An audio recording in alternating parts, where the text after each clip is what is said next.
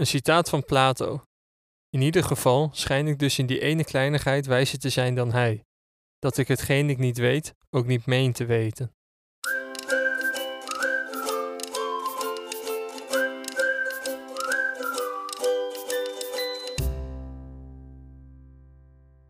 Welkom, leuk dat je luistert naar de derde aflevering van Een Wereld aan Literatuur, een podcast over wereldliteratuur. En vandaag wil ik met jullie bespreken de verdedigingsreden van Socrates, geschreven door Plato. En daar heb ik ook net uit geciteerd. En de vertaling die ik gebruik is gemaakt door Gerard Weideveld. Is uitgegeven bij Atheneum, Polak en Van Gennep in Amsterdam. En uitgegeven in het jaar 1974. Dus uh, dat is best wel lang geleden. Net als bij de vertaling die ik had van Koning Oedipus in aflevering 1. Betreft het een vertaling die toch al wat uh, decennia oud is. En het laat zich wel verklaren. Ook deze vertaling hebben we gekocht bij het antiquariaat. En daar zag ik hem liggen voor ja, 50 cent of zo, 1 euro. En toen dacht ik, ja, dit kan je natuurlijk niet laten liggen voor dit bedrag. Dus toen heb ik hem meteen meegenomen. En misschien vraag je wel af als ik dat zeg, verdedigingsreden van Socrates. Um, ja, is dat wel wereldliteratuur? Misschien ken je de titel niet. Zeker is dat wereldliteratuur. Hij staat op verschillende lijstjes, maar uh, is ook van grote invloed geweest op de geschiedenis van de filosofie. Dus alleen al daarom de moeite waard om te bespreken. Maar voordat ik echt het werk in ga duiken, wil ik iedereen bedanken die zijn beoordeling heeft achtergelaten. Heel erg bedankt ervoor. Ik zag al wat vijf sterren binnenkomen, dus leuk dat jullie de podcast zo waarderen. Daar, uh, nou ja, dat waardeer ik ook weer op mijn beurt, dus dank daarvoor.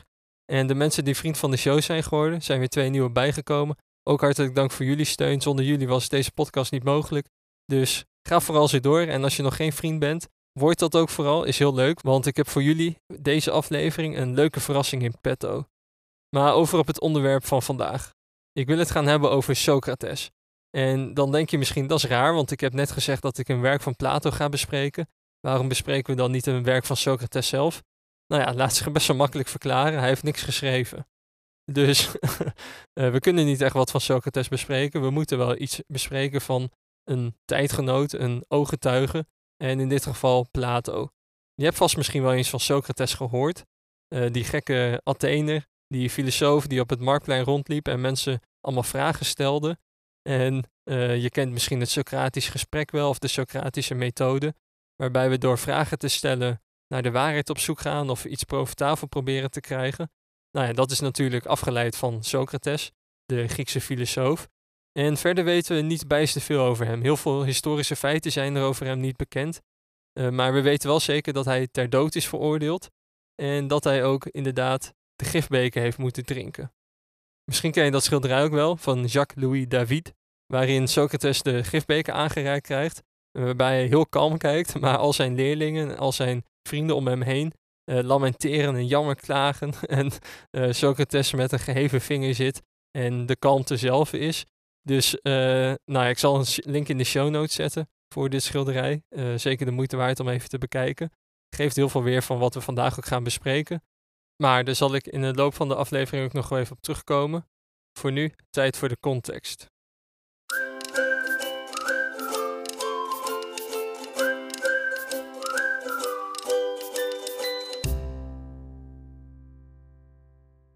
Zoals gezegd is er dus vrij weinig over Socrates bekend. En binnen de filosofie wordt dit probleem ook wel het Socratische probleem genoemd. Er zijn heel weinig historische feiten over hem bekend. Dus wanneer we een beeld van Socrates proberen te schetsen, kunnen we niet zomaar deze feiten gebruiken. En ook niet geschriften gebruiken die hij zelf geschreven heeft, want dat heeft hij niet. hij liep gewoon altijd een beetje rond op het marktplein. En we hebben wel wat notities van zijn leerlingen, maar die geven dus, nou ja, misschien hopelijk letterlijk weer van wat hij gezegd heeft maar geen duidelijke uiteenzetting van zijn eigen leer. Dus het is best wel moeilijk als we over Socrates gaan praten, over wie we dan precies gaan praten. Wie is Socrates? Nou ja, misschien denk van, nou ja, zo belangrijk is die vraag ook weer niet. Waarom moeten we per se die vragen beantwoord hebben? Maar ik denk dat het een hele belangrijke vraag is. Dat het misschien wel een van de belangrijkste vragen binnen de filosofie is. Dan denk je van, nou, dat is wel heel overdreven. Nou, ik denk het niet, want wanneer we naar Socrates vragen, vragen we eigenlijk naar het begin van de filosofie. Naar de man waarmee het begonnen is, de man die filosofie in zwang heeft gebracht, die zijn eigen professie ook als filosofie betitelde, die zijn eigen bezigheden als filosoferen bestempelde. Um, die man heeft best wel veel invloed gehad op de manier waarop de westerse filosofie zich ontwikkeld heeft. Hij is de leerwezen geweest van Plato en op die manier ook heel belangrijk geweest voor de filosofie en haar begin. Dus om de vraag te beantwoorden wat is filosofie precies, is de vraag wie is Socrates een hele wezenlijke en belangrijke vraag. Maar zoals we hebben gezegd, is het best wel moeilijk om die vraag te beantwoorden. Kunnen we dan andere bronnen gebruiken die wat over hem vertellen? Nou ja, er zijn drie auteurs bekend die over Socrates geschreven hebben in eerste hand, dus die ooggetuigen waren. En dat zijn Plato, die heb ik dus al genoemd. Uh, ook wel de bekendste van de drie trouwens. Die heeft heel veel dialogen geschreven. Um, en in die dialogen komt Socrates ook veelvuldig voor als de ondervrager. Dus Plato gebruikt Socrates heel vaak. Wat het dus ook weer moeilijk maakt om te beoordelen of het nou wel of niet de daadwerkelijke Socrates is die daar wordt afgespiegeld, of dat het meer van Platonische Socrates is. Dat is al best wel een moeilijkheid bij het lezen van Plato. Maar ja, uh, daar komen we zo meteen nog op. Uh, die andere twee, dat zijn Xenophon en Aristophanes. Uh, Xenophon is een militair eigenlijk en ook leerling van Socrates geweest. En dan heb je nog Aristophanes, dat is een blijspeldichter. En die heeft een satire op Socrates geschreven in Wolken.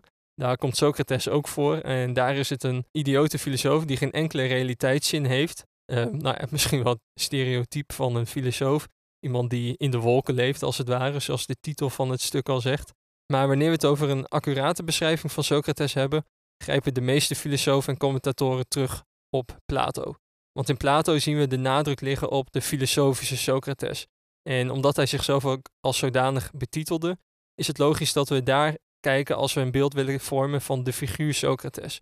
En misschien is het inderdaad niet mogelijk om een historische Socrates vast te stellen, om het Socratische probleem op te lossen. Dat pretendeer ik ook zeker niet te doen in deze podcast. Maar nou ja, het zou wel heel bizar zijn trouwens als dat opeens zou lukken. Maar ik denk dat heel veel wezenlijke dingen van Socrates terugkomen in het werk wat wij vandaag gaan bespreken. De verdedigingsreden van Socrates. Waarom is dat dan zo? Nou ja, het is een ander werk. Het is een werk dat losstaat van de andere dialogen van Plato. Daar is Socrates elke keer de gesprekspartner die vragen stelt. Maar hier is Socrates de hoofdpersoon. En we zien helemaal niet zo heel veel dialoog, maar vooral een verklaring van Socrates voor zijn manier van leven. Hij verdedigt zichzelf hier en geeft uitleg van wat hij onder de filosofie verstaat en wat hij als zijn taak beschouwd heeft. In die zin is het al handig om aan de hand van deze dialoog, of nou ja, dialoog, aan de hand van dit werk, de figuur van Socrates nader te bestuderen en bovenop, wat een uh, leuke meevaller is, is dat het werk ook een van de vroegste werken is van Plato. Dus reden om aan te nemen dat hij hierbij nog een zo goed mogelijk beeld van Socrates had en dat ook getrouw heeft weergegeven. Ook gezien het feit dat de verdedigingsreden van Socrates ook daadwerkelijk naar een historische gebeurtenis verwijst. Maar waar gaat die verdedigingsreden precies over? Daar sta ik zo meteen bij de samenvatting natuurlijk wat uitgebreider bij stil. Maar om dat te kunnen begrijpen is het goed om de context te weten van zo'n proces. Zo'n proces gebeurde wel vaker in Athene en die had een standaard opbouw. Er werden 500 burgers van Athene, dat waren toen alleen nog maar mannen, samengeroepen. Eh, die werden op basis van het lot gekozen, dus het was een willekeurige groep. En die functioneerden als rechters in de rechtszaal. Eh, deze moesten oordelen of de aangeklaagde wel of niet schuldig was. En dat proces ging in verschillende fasen. Eerst had je natuurlijk de aanklacht van de aanklagers.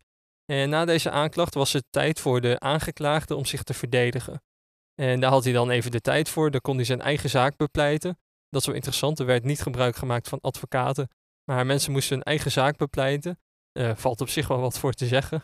Um, maar daarna werd beoordeeld of degene, de aangeklaagde, wel of niet schuldig was. Nou, als hij niet schuldig was, weet je wel natuurlijk wat er van komt, dan wordt hij vrijgesproken. Maar als hij schuldig werd bevonden, kwam er een tweede deel van het proces namelijk de tegeneis.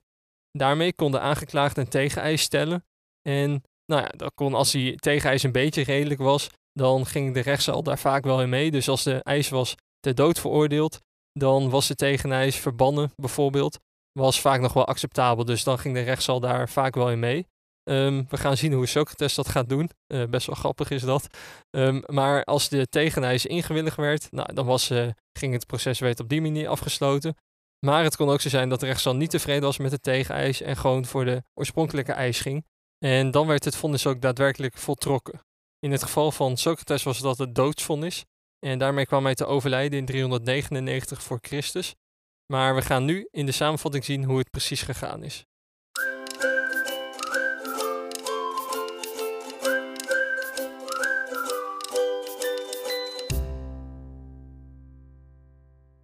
Oké, dus waarom werd Socrates aangeklaagd? Officieel was de aanklacht drieledig.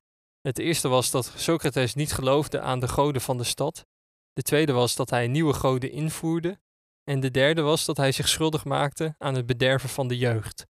En dat komt allemaal eigenlijk voort uit de manier waarop hij die gesprekken voerde. En de manier waarop hij allemaal mensen ondervroeg. En uh, nou ja, dat de jeugd vond dat natuurlijk wel leuk. Die stond er dan bij en die zag hoe een aanzienlijk man door Socrates ondervraagd werd. En eigenlijk geen antwoord meer wist. En nou ja, die schaamde zich dan natuurlijk een beetje, vond dat uh, vervelend. Uh, Socrates zegt zelf ook in de verdedigingsreden van Socrates dat dat een van de voornaamste redenen is dat hij aangeklaagd is. Maar we zien, wanneer we de verdedigingsreden openslaan, dat Socrates begint met zijn verdediging. het stuk van de aanklagers hebben we niet. De drie aanklagers, Meletos, Anitos en Lycon, die komen nog wel af en toe ter sprake. En Meletos wordt ook ondervraagd. Maar verder staat vooral Socrates in dit stuk centraal. En wat doet hij als verdediging? Hoe gaat hij om met de aanklacht? Nou, je zou verwachten, misschien gaat iemand dan allemaal argumenten opvoeren van ja, zus en zo. En die aanklacht klopt niet, want dit en dat. Maar Socrates doet iets anders. Hij bespreekt zijn eigen levenswandel. Hoe doet hij dat dan? Nou ja, hij bespreekt een best wel opmerkelijk voorval. Een vriend van hem die is op een gegeven moment naar het orakel van Delphi gegaan. En die heeft daar gevraagd van ja, wie is er wijzer dan Socrates? En nou ja, uh, best wel een opmerkelijk antwoord. Het antwoord is namelijk niemand. Dus die ging terug naar Socrates en die vertelde aan Socrates van ja, ik ben naar het orakel geweest en het orakel heeft dit geantwoord. En Socrates die hoort dat dan en die denkt van mm, ik weet niet of uh, het orakel gelijk heeft. Volgens mij zijn er heel veel wijze mannen. Dus die gaat op onderzoek uit. Um, en dat is een hele andere reactie dan bij Oedipus. Dat is heel interessant. Oedipus die vlucht weg als hij iets van het orakel te horen krijgt. Maar wat Socrates doet, is op onderzoek uitgaan. En hij ging dus bij verschillende mensen langs. Bij mensen in Athene, bij ambachtslieden, bij politici, bij dichters. Om ze te ondervragen en om te zien, eigenlijk het tegendeel te bewijzen van het orakel om aan te tonen dat er mensen zijn die wijzer zijn dan hij. En dan lezen we in de verdedigingsreden het volgende citaat. En een hele tijd bleef ik over zijn bedoeling in het onzekere. Ten slotte ben ik, en dat kostte mij veel moeite, ertoe overgegaan hem aan een onderzoek te onderwerpen, zo op de volgende manier. Ik ging op een van degenen af die voor wijs doorgaan. Ik deed dat in de hoop dat ik, zo ergens, daar de orakelspreuk zou gaan weerleggen en aan het orakel duidelijk zou maken dat daar iemand was die mij in wijsheid overtrof. En nu zei dat ik de wijste was, zou ik dan tegen het orakel zeggen. Einde citaat. Dit staat trouwens op pagina 23 van de verdedigingsreden. Maar dit dus, legt dus uit dat Socrates op pad is gegaan, dat hij de tegendeel wilde bewijzen van het orakel.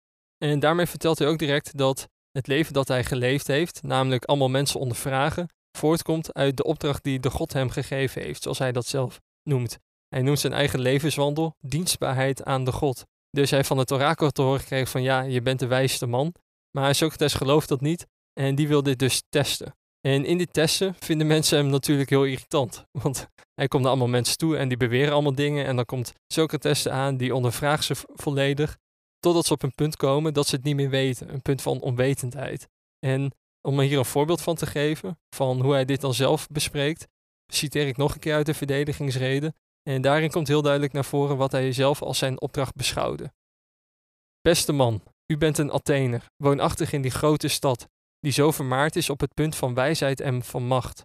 Schaamt u zich nu niet dat u erop uit bent om zoveel mogelijk geld en aanzien en eer te krijgen, terwijl u zich geen zorgen en gedachten maakt over het juiste inzicht en over de waarheid en over de vraag hoe uw ziel zo vertreffelijk mogelijk kan worden?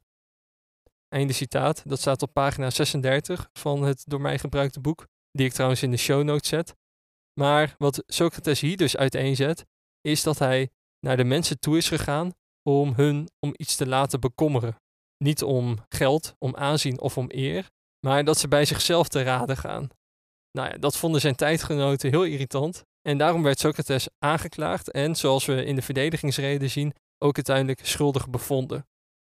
Dat is heel vervelend voor hem, ook al vindt hij het zelf niet zo heel erg, want hij zegt: Ja, ik weet niet zo goed wat er na het leven is, wat de dood precies is. Dus ik weet ook helemaal niet of ik beter af ben of slechter af ben. Heel veel mensen die menen te weten of ze beter of slechter af zijn, zegt Socrates. Maar hij meent dat niet te weten. Dus voor hem maakt het ook niet zoveel uit. Wat stelt hij dan als tegeneis? Zoals ik heb gezegd, komt er dan altijd een tegeneis. nou ja, hij zou verbanning kunnen voorstellen of zoiets, maar dat doet hij niet. Zijn tegeneis is dat hij maaltijden krijgt in het Prytaneion. En dit is alleen weggelegd voor Olympische sporters, die dan een uitzonderlijke prestatie hebben geleverd en die als dank daarvoor een maaltijd hier krijgen.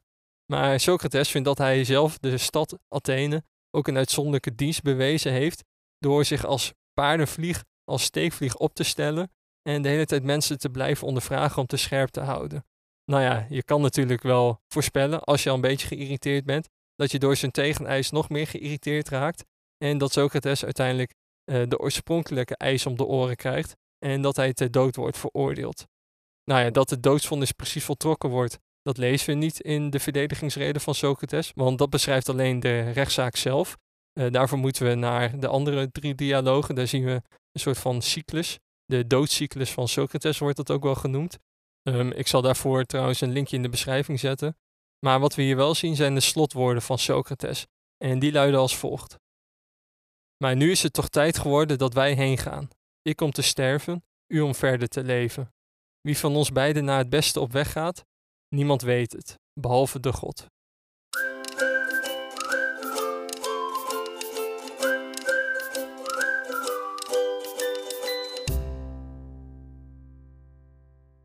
Maar hoe moeten we Socrates nu begrijpen wanneer we naar de verdedigingsreden van Socrates kijken? Het is best wel lastig om een eenduidig beeld van Socrates hier uit te halen. Uh, aan de ene kant is hij ironisch, aan de andere kant ook een beetje moralistisch. Dus hoe moeten we precies naar hem kijken? Is hij een ironicus? Is hij een moralist? Is hij geen van beide? Is hij allebei? Is hij nog iets anders? Heel veel vragen die de revue passeren wanneer we ons op de verdedigingsreden van Socrates richten. Maar om een focus te krijgen, is het misschien goed om te kijken naar de dialoog met Meletos die we vinden in de verdedigingsreden van Socrates. Want hierin wordt heel snel duidelijk wat Socrates beoogt met zijn filosoferen. Meletos heeft Socrates aangeklaagd dat hij de jeugd bederft en Socrates gaat vervolgens met hem in gesprek. En wat doet hij? In plaats van dat hij zichzelf verdedigt, um, ondervraagt hij Meletos en vraagt hij aan hem of hij zelf, Meletos dus, zich wel eens om de jeugd bekommerd heeft. En wat blijkt? Dat Meletos dat nog nooit gedaan heeft. dus het is best wel raar. Hij klaagt Socrates aan voor het bederven van de jeugd. Maar zelf heeft hij zich nooit om de jeugd bekommerd. En Socrates zegt dan het volgende, en dan citeer ik weer. Maar ach, Meletos, u laat wel voldoende blijken dat u zich om de jeugd nog nooit hebt bekommerd en u toont uw ongeïnteresseerdheid heel duidelijk. U stelt geen enkel belang in de dingen waarover u mij een proces aandoet. Einde citaat. En dat staat op pagina 29 van de verdedigingsreden. En zoals we hier zien is Meletos dus op een bepaalde manier niet geïnteresseerd in hetgeen waarvan hij Socrates aanklaagt. En dit is heel belangrijk als we de filosofie van Socrates willen begrijpen, denk ik. Hij wil een bepaalde bekommernis aanwakkeren bij de ondervraagde. En ik heb dat nog niet eens heel duidelijk gezegd trouwens, maar waar hij dan elke keer na zo'n gesprek op uitkomt, is een positie van onwetendheid. Dus waar de ondervraagde misschien begint met heel veel wijze uitspraken en waarbij hij denkt heel veel te weten, waarbij hij meent heel veel te weten, komt er uiteindelijk een positie waarin blijkt dat de ondervraagde niks meer weet. Dat hij niet meer weet of wat rechtvaardig is bijvoorbeeld, of wat jeugdbederven precies inhoudt, uh, maar dat hij in de positie van onwetendheid komt, dezelfde positie waarin Socrates elke keer begint. Zoals dat in de verdedigingsreden ook naar voren komt. Daar zegt hij dat wat hij ontdekt heeft bij de onderzoekingen van de ambachtslieden, van de dichters, van de politici, is dat zij iets menen te weten, maar het eigenlijk niet weten, terwijl Socrates het ook niet meent te weten. Dat is ook het citaat waarmee ik begonnen ben en wat zich misschien makkelijker laat samenvatten als de welbekende uitspraak van Socrates: Het enige dat ik weet is dat ik niets weet. En deze positie is elke keer zijn vertrekpositie. Betekent dit dan dat zijn positie een positie van volslagen negativiteit is, waarin hij alles met de grond gelijk maakt, alles als een onwetende benadert? Nou ja, niet per se. Het laat vooral zien dat het weten niet wezenlijk is voor de waarheid. Dat klinkt een beetje moeilijk, maar wat ik daarmee bedoel is dat voor hem het weten niet het ware uitmaakt. Dus als Meletos tegen hem zegt: Ik weet dat jij de jeugd bederft, is die uitspraak voor Socrates nog niet per se waar. Want het ware van die uitspraak ligt niet besloten in de woorden die Meletos uitspreekt, maar in de manier waarop hij zelf zich om de jeugd bekommerd heeft. Dus het weten is voor Socrates nog geen garantie voor de waarheid. Er moet meer bijkomen voordat we van waarheid kunnen spreken. En om een voorbeeld te geven uit mijn eigen leven, uh, tiental jaar geleden, ik weet niet meer precies hoe lang het geleden is. Maar toen moest ik voor de, de middelbare school een keer een verslag schrijven over vlees. En de conclusie van dat verslag was, ja, je moet geen vlees eten. uh, nou, als een leuke conclusie boeide me verder eigenlijk vrij weinig. Het was meer een opdracht die ik gewoon moest voltooien, uh, zonder er verder echt over na te denken. Dus het veranderde helemaal niks bij mij. Dus ik deed wel een uitspraak, maar als ik Socrates was tegengekomen, was hij naar me toe gegaan en gezegd van, ja, jij zegt dit nu wel, maar um, waar blijkt dat uit? Uh, zoals hij ook bij Meletos doet eigenlijk. en dan zou hij een heel terecht punt hebben, want ik zeg dat wel, maar ik handel totaal niet overeenkomstig. En een paar jaar later, uh, vijf jaar later of zo, toen ben ik nog een keer met die thematiek bezig gegaan. En toen heb ik me er wel wezenlijk toe verhouden. Toen heb ik gedacht van ja, ik wil ook helemaal geen vlees meer eten, ik stop ermee. Toen was het weten niet meer voldoende voor de waarheid, maar werd er in mij een bepaalde interesse of bekommernis aangewakkerd. En die bekommernis, dat is waar het Socrates om te doen is. Hij wil dat wij door ons wezen in de waarheid zijn. En dit is best wel een radicale blik, want het vraagt heel veel van ons. Uh, om nog een voorbeeld te gebruiken, stel dat we zeggen: God is liefde, wat dan een uh, christelijke uitspraak is vaak. Uh, dan kun je ook afvragen van ja, is dat een ware uitspraak? Het is best wel een abstracte uitspraak. We zeggen iets over God. Kunnen daar überhaupt iets over zeggen? Maar misschien is de waarheid in die zin, de betekenis daarvan, is niet gegarandeerd door de woorden die erin zitten. Niet in de woorden God is liefde, alsof dat een soort van mathematische vergelijking is, waarin nou ja, God hetzelfde is als liefde. Maar de betekenis ligt besloten in hetgeen wij daarmee doen. Dat wij zelf lief hebben, dat wij overeenkomstig handelen en ook de liefde uiten en op die manier de waarheid van deze uitspraak garanderen.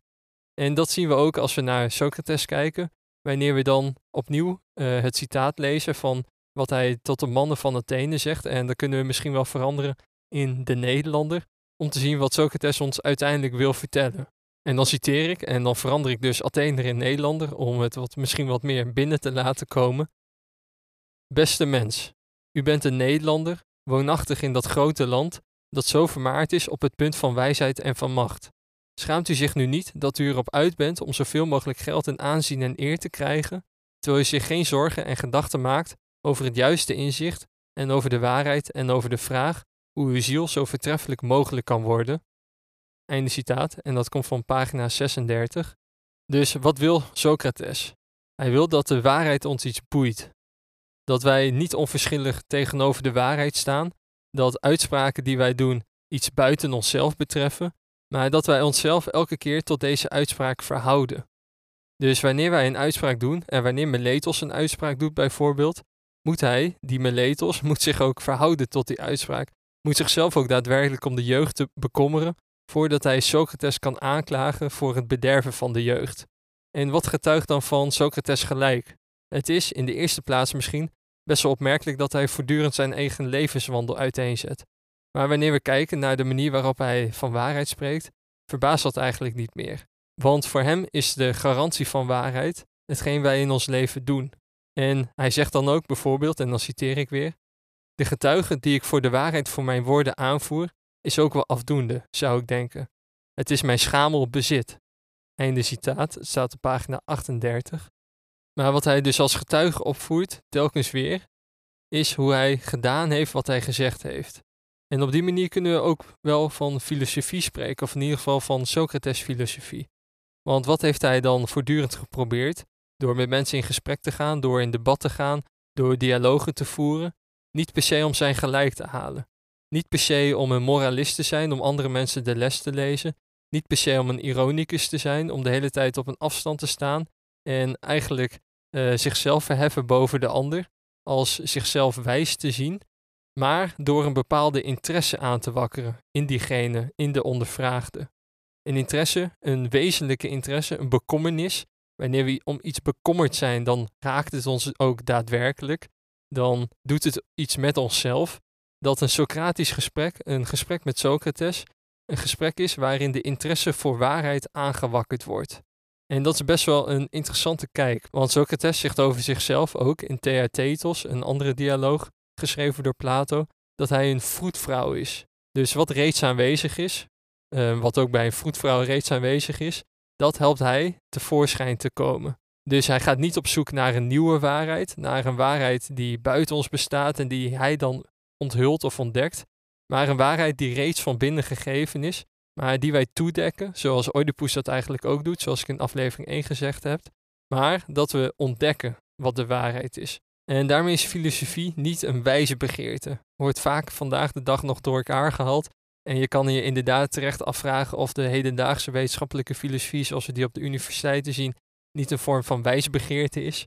Waarin we de wijsheid inderdaad begeren, uh, maar niet meer de liefde hebben voor de wijsheid. Want hoe Socrates filosofie bedrijft, is op een hele andere manier. Voor hem, zo denk ik op te kunnen maken uit de verdedigingsreden van Socrates, is filosofie een vragen dat ons in de waarheid interesseert. En daarmee komt filosofie veel dichter bij spiritualiteit dan we misschien zouden denken. Het raakt niet per se alleen onze cognitie, ons denken, maar ons hele zijn. En Foucault en Hadot, dat zijn twee Franse filosofen, die hebben hier een interessant debat over gevoerd. Daar heb ik toevallig mijn scriptie over geschreven, dus vandaar dat ik dat ook uh, weet. Maar die zeggen dat ook, dat in eerste instantie bij Socrates filosofie en spiritualiteit in, hand in hand gaan. Het denken staat in dienst van het zijn. Maar als we dan bij Descartes komen en die zegt op een gegeven moment: Ik denk, dus ik ben. Daarbij is het denken primair en komt daarna pas het zijn. Maar voor Socrates keren we daarmee het precies om. We moeten niet denken en dan pas zijn, maar we moeten zijn wat we denken. En dat is de les die Socrates ons leert: dat een waarheid zonder bekommernis geen waarheid is.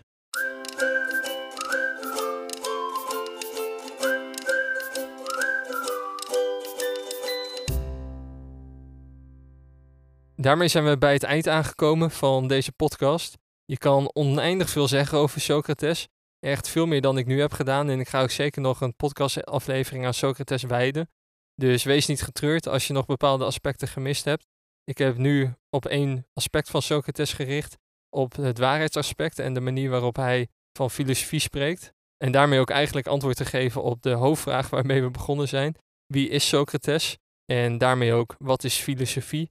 En het antwoord is dat filosofie in de eerste instantie een vragen is dat ons in de waarheid interesseert. En dat Socrates het schoolvoorbeeld is voor iemand die dat gedaan heeft. Dan resten ons natuurlijk nog de vragen die ik elke aflevering opnieuw stel. En vandaag is het maar één enkele vraag, maar daarmee niet een onbelangrijke vraag. Kan de waarheid jou iets schelen? Ja, dat was het voor deze aflevering. Ik denk dat het best wel een vraag is om goed over na te denken. Kan het je echt wat schelen? Boeit het je persoonlijk ook echt wat? Raakt het jou ten diepste? Nou ja, je hebt een hele week om daarover na te denken, want uh, het duurt nog wel even voordat de volgende aflevering komt.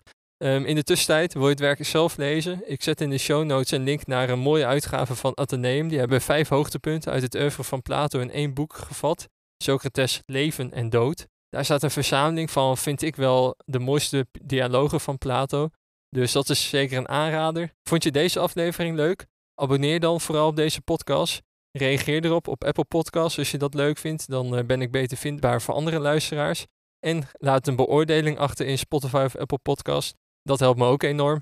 Um, deel het met vrienden vooral. Die, uh, waarvan je denkt van ja, die vinden dit ook wel interessant. Die hebben vast ook wel iets met Socrates.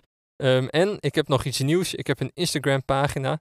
Dus mocht je Instagram hebben en wil je een kijkje achter de scherm, Volg me op Instagram, daar heet ik ook gewoon Een Wereld aan Literatuur. Uh, nou ja, dat is leuk als we elkaar daar treffen. En word vriend van de show. Dat is nog het allerleukste wat je kan doen. Um, ik had beloofd dat er een soort van verrassing zou zijn voor de vrienden van de show. Die is er ook zeker, want ik ga een bonusaflevering opnemen over het verschil tussen de Socrates van Plato en de Socrates van Xenophon. Dat is een ontzettend interessant verschil. Ik ga kijken naar de verdedigingsreden van Socrates, geschreven door Plato en door Xenophon. Uh, die hebben allebei zo'n verdedigingsreden geschreven. En dat is heel interessant. Dus uh, word vriend van de show als je deze bonusaflevering niet wil missen. En als je mij wil steunen, want nou ja, daarvoor doe je het natuurlijk in de eerste plaats. Maar ga hiervoor naar vriendvandeshow.nl slash een wereld aan literatuur. En hopelijk zie ik je daar. Dan heb ik verder niets veel meer te zeggen. Alleen dat we volgende week een super interessant werk gaan bespreken. Een van de oudste literaire werken die er bestaat. Um, dus dat belooft wat. Tot volgende week.